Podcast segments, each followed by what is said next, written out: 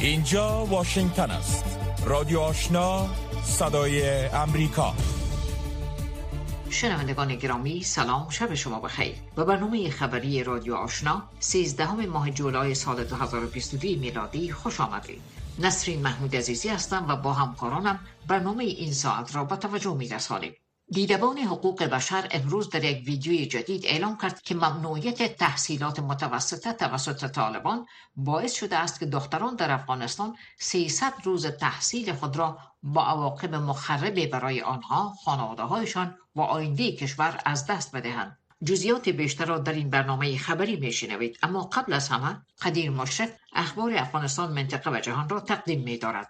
سلام و وقت همه شما بخیر شنونده های عزیز به دنبال گزارش بی بی سی در مورد کشتار غیر نظامیان توسط نیروهای ویژه بریتانیایی در افغانستان سازمان عفو بینالملل خواستار تحقیقات فوری در این زمینه شده است. زمان سلطانی محقق عفو سازمان بینالملل در آسیای جنوبی در پاسخ به تحقیقات بی بی سی درباره کشتار مکرر مردان غیر مسلح در شرایط مشکوک در افغانستان بین سالهای 2010 و 2011 توسط نیروهای ویژه بریتانیا گفت که عفو بینالملل خواهان تحقیقات مؤثر و شفاف در مورد اتهامات وارده به نیروهای ویژه بریتانیا در افغانستان است که به گفته وی عدالت را برای قربانیان تامین کند و عاملان آن را پاسخگو قرار دهد عفو بین الملل یافته های بی بی سی را وحشتناک توصیف کرده و گفته است که این عمل کرد به وضوح سطح هشدار دهنده از معافیت از مجازات و عدم پاسخگویی سربازان بریتانیایی را که در افغانستان فعالیت می کردند نشان می دهد. وزارت دفاع بریتانیا گفته است که در تحقیقات قبلی در مورد رفتار نیروهای بریتانیایی در افغانستان شواهد کافی برای طرح اتهام پیدا نکرده بود. جزیات را در وبسایت دری و پشتوی صدا امریکا خواندن می توانید. بر اساس گزارش ها 300 نفر در ولایات قندهار و هلمند به خاطر ابتلا به کولرا در شفاخانه ها بستری و تحت تداوی قرار گرفتند. دکتر شرافت زمان امار سخنگوی وزارت صحت طالبان به صدا امریکا گفت که تا هنوز تایید نشده که این بیماران به کولرا مسابند یا خیر. آقای امار گفت که آزمایش های لابراتوری آنان به مرکز فرستاده شده و نتایج آن به زودی با رسانه ها شریک خواهد شد.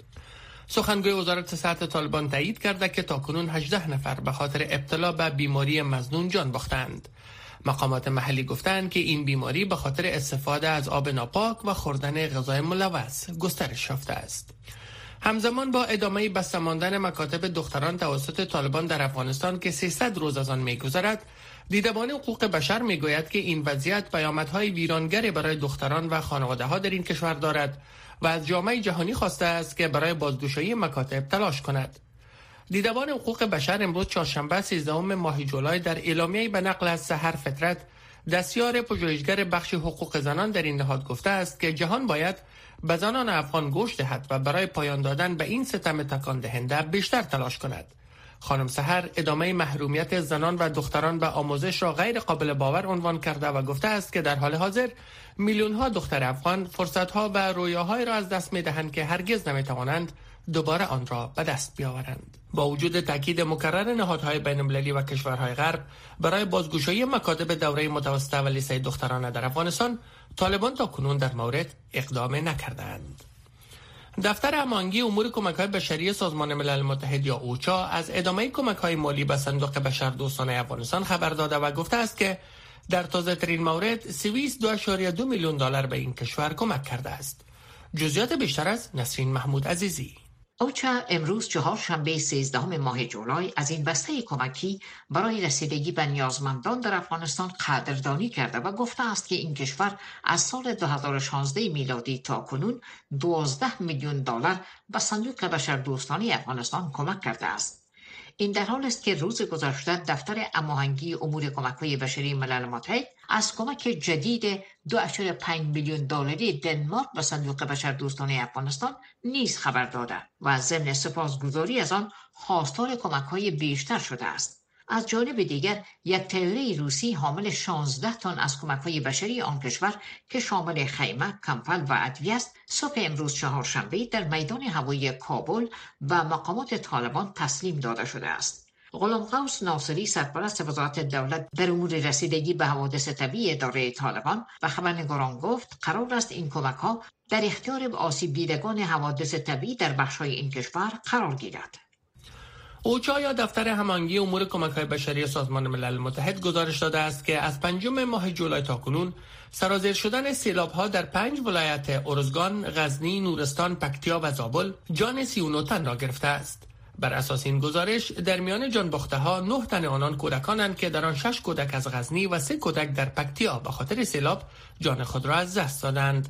های شدید حدود 2900 منزل را یا به گونه قسمی یا هم کامل تخریب کرده باعث تلفات معاشی شده است. بر اساس گزارش اوچا این بارندگی ها و سرازیر شدن سیلاب خسارات هنگفت مالی و تخریبات زیربناها مثل جاده ها و پلها را نیز باعث شده است. ادامه خبرهای افغانستان منطقه و جهان را از رادیو آشنا میشنوید جو بایدن رئیس جمهوری ایالات متحده امروز چهارشنبه 13 جولای به اسرائیل رسید نخستین توقف آقای بایدن در سفر سی روزش به منطقه شرق میانه که شامل فلسطین و عربستان سعودی نیز می باشد تدابیر شدید امنیتی در اسرائیل به خاطر رسیدن رئیس جمهور بایدن به آن کشور اتخاذ شده است. جزئیات بیشتر از حفیظ آصفی. نخستین سفر آقای بایدن به اسرائیل باعث رئیس جمهور ایالات متحده در زمان صورت می‌گیرد که این کشور دستخوش هرج و مرج سیاسی است و قرار است در اواخر سال جاری بار دیگر اسرائیلی ها برای انتخابات پارلمانی پای صندوق های رای بروند. مقام های اسرائیلی روز سه شنبه گفتند که قرار است ایالات متحده و اسرائیل فردا پنج شنبه اعلامیه مشترک را زیر نام اعلامیه بیت المقدس صادر کنند که به عنوان نقشه راه برای روابط دو کشور در سالهای آینده خواهد بود. بعید به نظر می رسد که آقای بایدن در هنگام دیدار با رهبران فلسطینی که گفتم شود در این اواخر محبوبیت خود را از دست دادند و کدام نتیجه یا توافق مطلوب دست یابد. آقای بایدن در این سفر که انتونی بلینکن وزیر خارجه کابینش نیز با وی همراه است و عربستان سعودی خواهد رفت کشور با پیشینه نقض حقوق بشر و ذخایر بزرگ نفت قرار است رئیس جمهور بایدن در ملاقات با مقام های سعودی تلاش کند ریاض را متقاعد سازد تا با افزایش استخراج نفت افزایش قیمت نفت را که بخشان به خاطر تهاجم روسیه بر اوکراین بوده است کاهش دهد.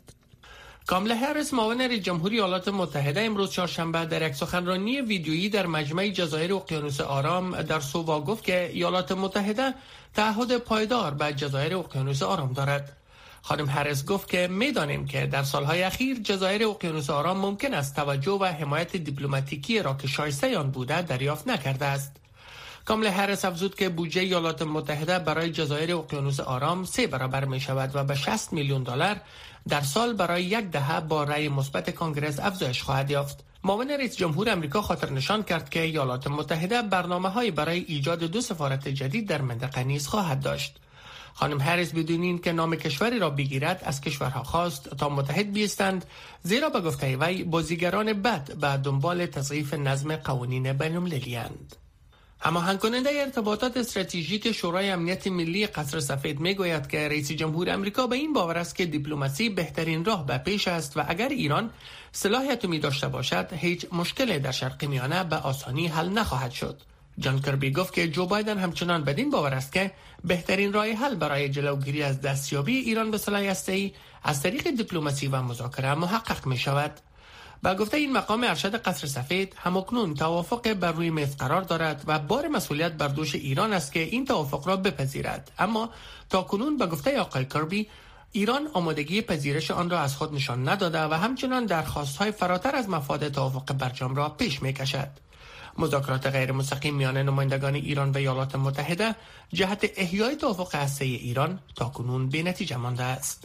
دمیترو کولیبا صدر اوکراین امروز چهارشنبه واگذاری خاک اوکراین را بر روسیه به عنوان بخشی از یک توافق صلح رد کرده و گفت که هیچ مذاکرات صلح میان مسکو و کیف در جریان نیست.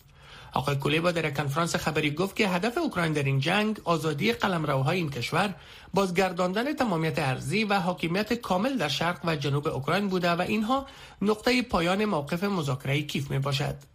نیروهای روسی در ماه جولای کنترل منطقه لوهانسک را در شرق اوکراین به دست گرفتند و امیدوارند تمام مناطقی را که در جوار دونتسک موقعیت دارد و هنوز تصرف نکرده در کنترل خود درآورند. مقام های روسیه، اوکراین، ترکیه و سازمان ملل متحد قرار است امروز چهارشنبه در تلاش برای سرگیری صادرات غله از منادر بحیره ایسیای اوکراین در استانبول ملاقات کنند. تهاجم روسیه بر اوکراین باعث توقف صادرات اوکراین شده و در بلند رفتن قیمت غله، روغن پخت پس، تیل و کود کمک کرده است. ترکیه و سازمان ملل متحد تلاش می کنند تا به یک توافق جهت تسهیل این بحران دست یابند. روسیه به خاطر کشتی هایی که جهت انتقال سلاح به اوکراین استفاده می شود ابراز نگرانی کرده و خواهان تلاشی این کشتی ها شده است. اوکراین گفته که این توافق نمی تواند امنیت قلمروان کشور را در امتداد بحیره ایسیا تهدید کند. و مظاهره کنندگان در سریلانکا امروز چهارشنبه به دفتر صدر این کشور هجوم برده از او خواستند تا فورا از سمتش استفاده هد. برخی از اعتراض کنندگان به دیوارهای های شهر کولمبو بالا شده بودند و برخی هم به مظاهره کنندگان به عنوان حمایت از آنان آب می‌دادند. نیروهای پلیس یک تانکر آب را در ساحه مظاهره مستقر کرده و از گاز اشکاور جهت متفرق ساختن مظاهره کنندگانی که می‌خواستند هجوم بیاورند استفاده کرده است. رئیس جمهوری سریلانکا شب گذشته با همسر و دو محافظش توسط یک تیاره نیروی هوایی سریلانکا به ملدیو فرار کرد. صدر زمین کشور که در نبود رئیس جمهور به حیث سرپرست ریاست جمهوری فای وظیفه می کند نیز وعده داده که استعفا خواهد کرد. اما گفته که تا زمان تشکیل حکومت جدید به وظیفهش ادامه خواهد داد. پایان خبرهای افغانستان منطقه و جهان. از رودی آشنا صدای امریکا. رادیو آشنا صدای امریکا. منبع موثق خبرها و گزارش های جهان و افغانستان. شنوندگان عزیز اخبار افغانستان منطقه و جهان را از رادیو آشنا شنیدید. آل هم توجه نمایید به گزارش هایی که برای شما برگزیده ایم. همانطوری که در آغاز برنامه اشاره شد دیدبان حقوق بشر امروز در یک ویدیوی جدید اعلام کرد که ممنوعیت تحصیلات متوسطه توسط طالبان باعث گردیده که دختران در افغانستان 300 روز تحصیل خود را با عواقب مخربه برای خود آنها خانواده هایشان و آینده کشور از دست بدهند. با گذشت بیش از ده ماه از بسته ماندن مکاتب دوره متوسطه و لیسه دختران در افغانستان شماری از دانش آموزان می‌گویند که آینده مبهم سبب گردیده که به اختلالات روانی مبتلا شوند. جزیات بیشتر را در این گزارش میشنوید. ماه آینده است تسلط دوباره طالبان بر افغانستان یک سال سپری می شود اما این گروه تا اکنون برای بازگشایی مکاتب دختران کدام طرح مشخص ایران نکرده است. همین مسئله سبب مشکلات روحی و روانی برخی دانش آموزان دختر شده است استراب، ترس، استرس، وسواس و یاد فراموشی از مواردی که به گفته این دانش آموزان در طی حدود 11 ماه تجربه کردند. ام البنین یک از دانش آموزان صنف 11 همه یک از مکاتب شهر کابل به صدای امریکا گفت که بسته ماندن مکاتب از رهگذر روحی و روانی بر وی تاثیرات منفی گذاشته است. فکر مکتب هستم که چی مکتب باز میشه و همچنان دیگه مقدر ما پولدار یا مساعد نیست که ما کورس خانگی بریم یا کورس بریم و مو در خانه خواندن نمی‌تونیم چون نمیشه دیگه. بدون از که استاد نباشه یا چند شاگرد نباشه ما خود ما نمی‌تونیم در خانه بشینیم و پیشرفت کنیم. ساره دانش آموز صنف هشتم در یک از مکاتب شهر کابل گفت که قبلا مدتی از روز را با همسینف ها به مکتب می‌رفت اما با بسته شدن مکاتب خانه نشین شده و هیچ زمینه برای تفریح و سپری کردن اوقات بیکاری ندارد. این دانش آموز گفت که روشن نبودن آینده سبب شده است که به یاد فراموشی مبتلا شود. سر روی ما تاثیر کرده. هر چیزی که در خانه میمونم جای یاد ما میره. بخاطر از کلایی می‌خوایم که مکتبا را بخاطر ما کنه که بخی در خانه ما چی شدیم؟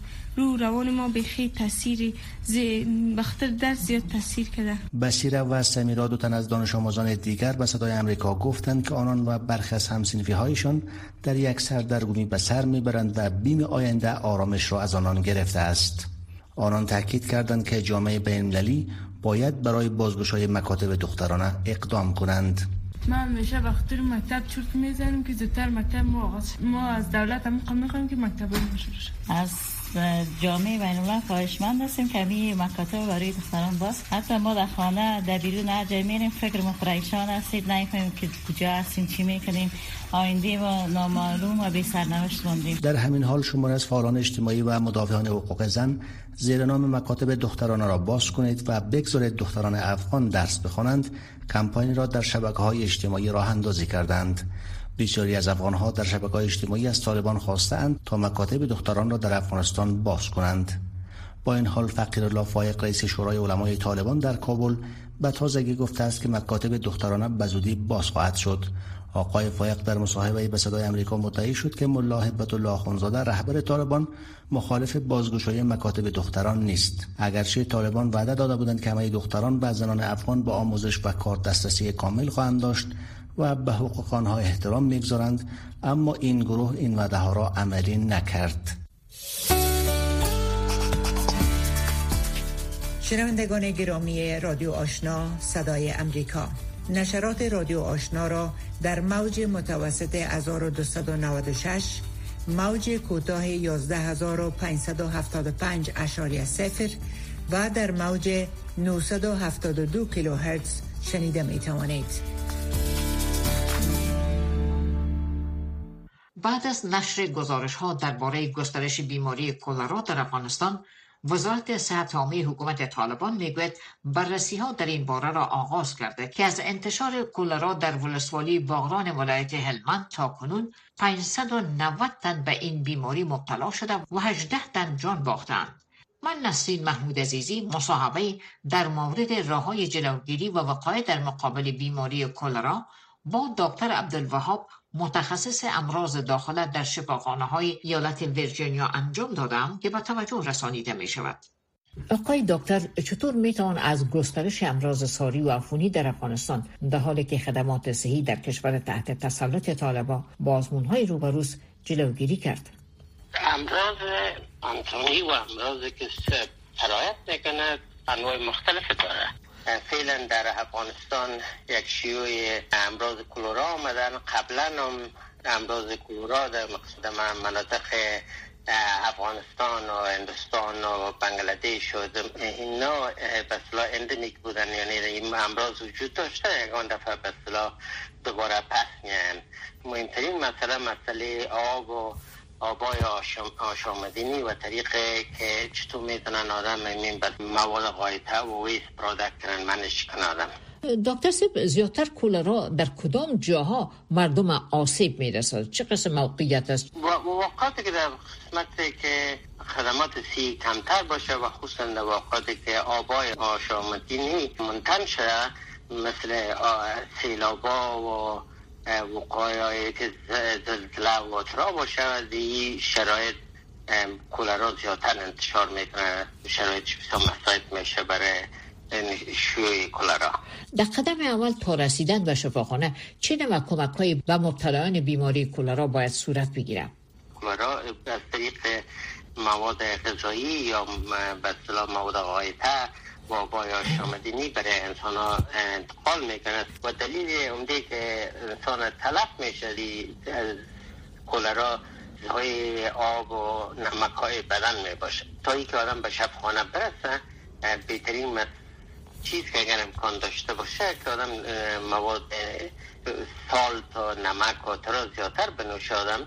و آب زیادت بنوشه اما اکثر مردم فراخ و دلبدی و ترا می داشته باشن نمی‌تونن آب بامشن بنوشن از این خاطر باید حق زودتر امکان داشته باشه که در بیمارستان برن. اونا برزی که از طریق رک باید مواد نمک و آبایی که زایی میشه دوباره برشان داده شود.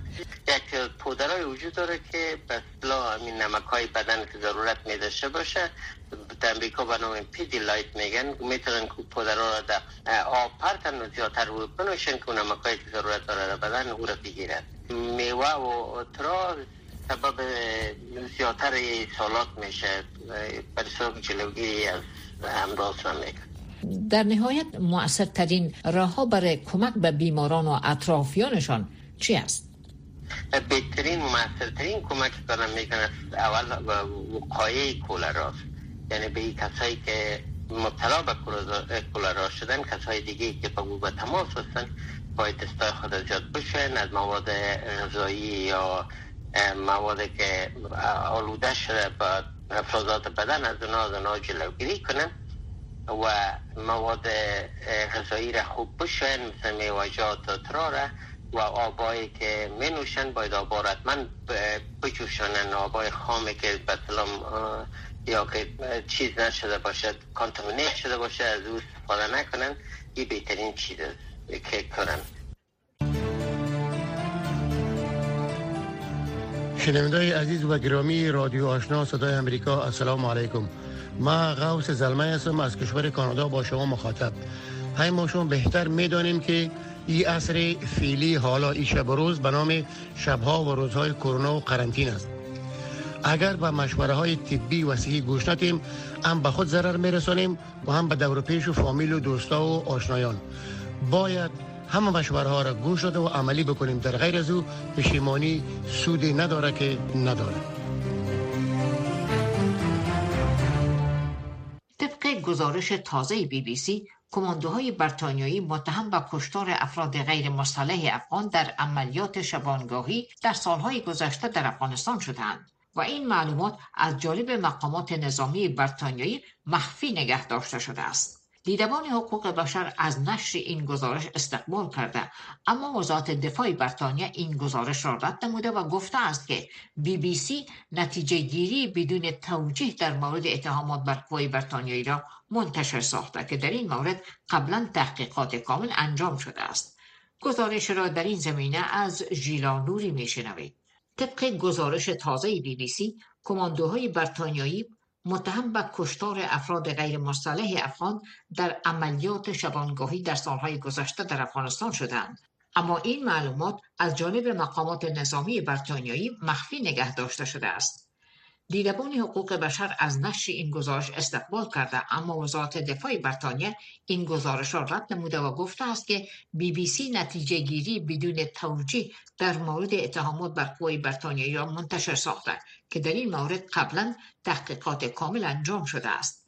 گزارش را در زمینه از ژیلانوری میشنوید وزارت دفاع بریتانیا گزارش بی بی سی را در مورد متهم ساختن قوای خاص بریتانیایی بر کشتار غیر نظامیان افغان رد کرد. در این لابی آمده است که معلومات وسیع و با جزئیات کامل را در اختیار برنامه پانورامای بی بی سی قرار دادند و به مشخص در مورد این اتهامات تحقیقات انجام شده و شواهد کافی برای مجازات افراد وجود ندارد. در گزارش پانورامای بی بی سی آمده است که های بریتانوی حداقل 54 غیر نظامی افغان را در عملیات مختلف به طور مشکوک هدف قرار دادند و مقامات اردو این معلومات را مخفی نگه داشتند. طبق این گزارش در عملیات شبانه مردان غیر مسلح افغان بارها توسط قوای بریتانیایی هدف قرار داده شدند سفیولا رؤوف عضو پیشین قوای خاص بریتانیایی و آمریکایی این گزارش را تایید می‌کند. این گزارش بسیار زیاد تکان دهنده است از خاطر که در وقتی که من وظیفه انجام می‌دادم همرای special force بریتانوی‌ها و همرای special force های و special force های امریکایی اینا را در وقت وظیفه که ما می‌دیدیم یک لغت در انگلیسی است برشان trigger friendly میگه که بسیار اینا دوست دارن که در وظیفه وقت برن زیاد انداخت کنن. این وقت اینا زیاد ملکی را هم در جریان کشته میشه و این راپور که من دیدم کدام حیران کنندگی نبود پاتریشیا گاسمن عضو دیدبان حقوق بشر می‌گوید شمار از کسانی که در قوای خاص بریتانیایی خدمت کردند. در این مورد به بی بی سی معلومات دادند و آنها شاهد بودند که افراد غیر مسلح در عملیات شبانه کماندوهای بریتانوی هدف قرار داده شدند. این گزارش به طور خاص قضایایی را که در سال 2010 و 2011 اتفاق افتاده افشا می کند و نظرم این مسئله برای مدت ها نگران کننده بود. و نه تنها قوای بریتانوی و خاص بلکه شماری از قوای امریکایی و استرالیایی و سایر نیروهای خارجی در زمان عملیات در برابر شورشیان در عملیات های شبانه و خانه های افراد در قریه ها حمله می کردند و افراد را دستگیر و متهم می کردند تا بتوانند رد پای طالبان را بیابند و شمار زیاد افراد به این ترتیب توقیف و کشته شدند. طبق این گزارش کماندوهای خاصی نیروهای هوایی بریتانیا در افغانستان افراد ملکی افغان را توقیف کردند و کشتند طالبان در حال این کشتار ملکی را نقد می کنند که به ارتکاب جرایم جنگی و کشتار ملکی آنها نیز متهم هستند. می‌برن و تحقیق می‌کنن. یه هم خودش با من است که 12 سالی موضوع را کتمان کرده بودن. 20 سال مردم افغانستان رنگ دیدن مردم هم کشته شدن ظلم و وحشت رایشان انجام شد. ای دست بزرگی که داشتن نیروهای آمریکایی بریتانیایی و دیگر شرکایشان بودن که در افغانستان حضور نظامی داشتن و اشغال کرده بودن. و ما عمل را نیکوهش می‌کنیم. دفتر حامد کرزی رئیس جمهور سابق که در سالهای 2010 کشور اداره می‌کرد در مورد این گزارش از اظهار نظر و صدای آمریکا خودداری کرد. جنرال مارک کارلتون سمیت که در آن فرمانده نیروهای ویژه بریتانیا در افغانستان بود از این تلفات آگاه ساخته شده است. اما بر اساس گزارش بی بی سی اونا توانست به پلیس نظامی بریتانیا گزارش دهی کند. یک تن از نظامیان بریتانوی در توییتر در واکنش به گزارش بی بی سی این معلومات را تخیلی خوانده و گفته از هر کسی که این اسرار حکومتی را افشا کرده است باید مجازات کرده در ادامه این گزارش آمده است که بر اساس قانون بریتانیا انجام عملیات بدون در جریان گذاشتن قماندان عمومی و پلیس نظامی جرم جنگی محسوب می شود. هفت روز هفته با رادیو آشنا صدای امریکا این هم آخرین گزارش این بخش.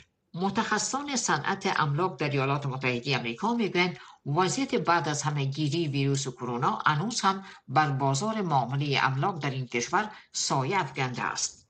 بر اساس معلومات زیلو یک شرکت بازاریابی املاک در ایالات متحده قیمتهای خانه تقریبا سی درصد در مقایسه با دو سال قبل بلند رفته است. خبرنگار صدای امریکا مکسیم موسکالکوف گزارشی دارد که فوزی احسان به توجه میرساند متخصصین صنعت املاک در امریکا می‌گویند بازار فروش خانه که در نتیجه همگیری ویروس کرونا رونق گرفت هنوز متوقف نشده است.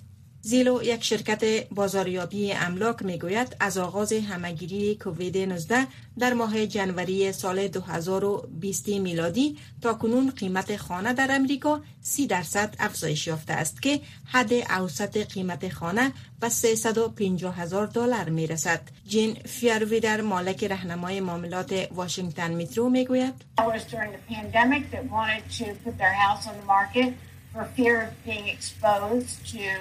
در جریان همگیری کووید 19 از بیم قرار گرفتن در مرض کووید فروشندگان کم منازلشان را برای فروش ثبت می کردند بنابراین موجودی املاک کاهش یافت.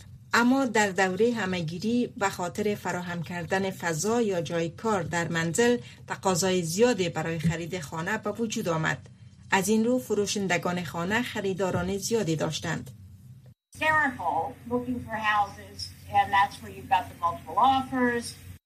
در این حال مالکان خانه خواسته های تازه دارند و می‌خواهند خانه هایشان مطابق این خواسته ها تنظیم شود. ولما بایرس معاون شرکت خانه سازی بایرس دیزاین می‌گوید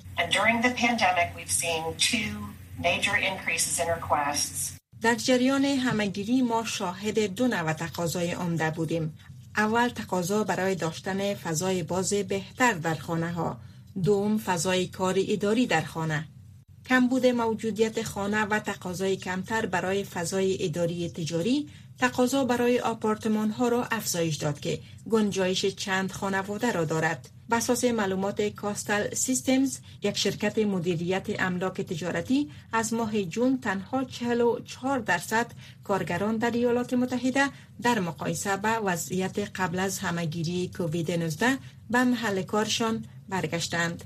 شرکت های خانه سازی تقاضاهایی را ارزیابی می کنند که در نتیجه کووید 19 بروز کرده است. مانند فضای اداری مشترک تماس فیزیکی در محلات تنگ مانند لفت ها را به حد اقل برساند. آنها در صدد ایجاد فضاهای وسیعتر مانند فضای باز در خارج منزل بلکانی یا برنده خانه تختبام ها و محلات بازی و تفریح هستند. شرکت هایلند اسکویر هولدینگ مستقر در ویرجینیا دو باب ساختمان جدید از این نوع را در خارج از واشنگتن دی سی اعمار کرده است و قرار است چهار ساختمان دیگر نیز اعمار کند. رابرت سلدین رئیس این شرکت گفت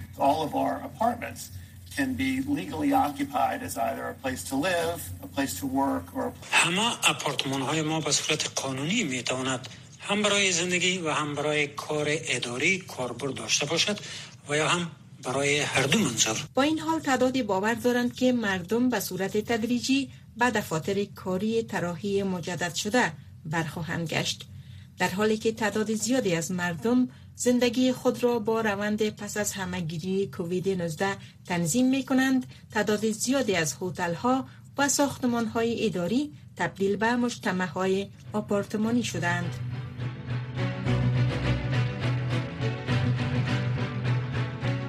شنوندگان عزیز این بود داشته های این برنامه خبری که در همین جا به پایان رسید. اما نشرات پشتو و دری رادیو آشنا همچنان ادامه دارد. با ما باشید.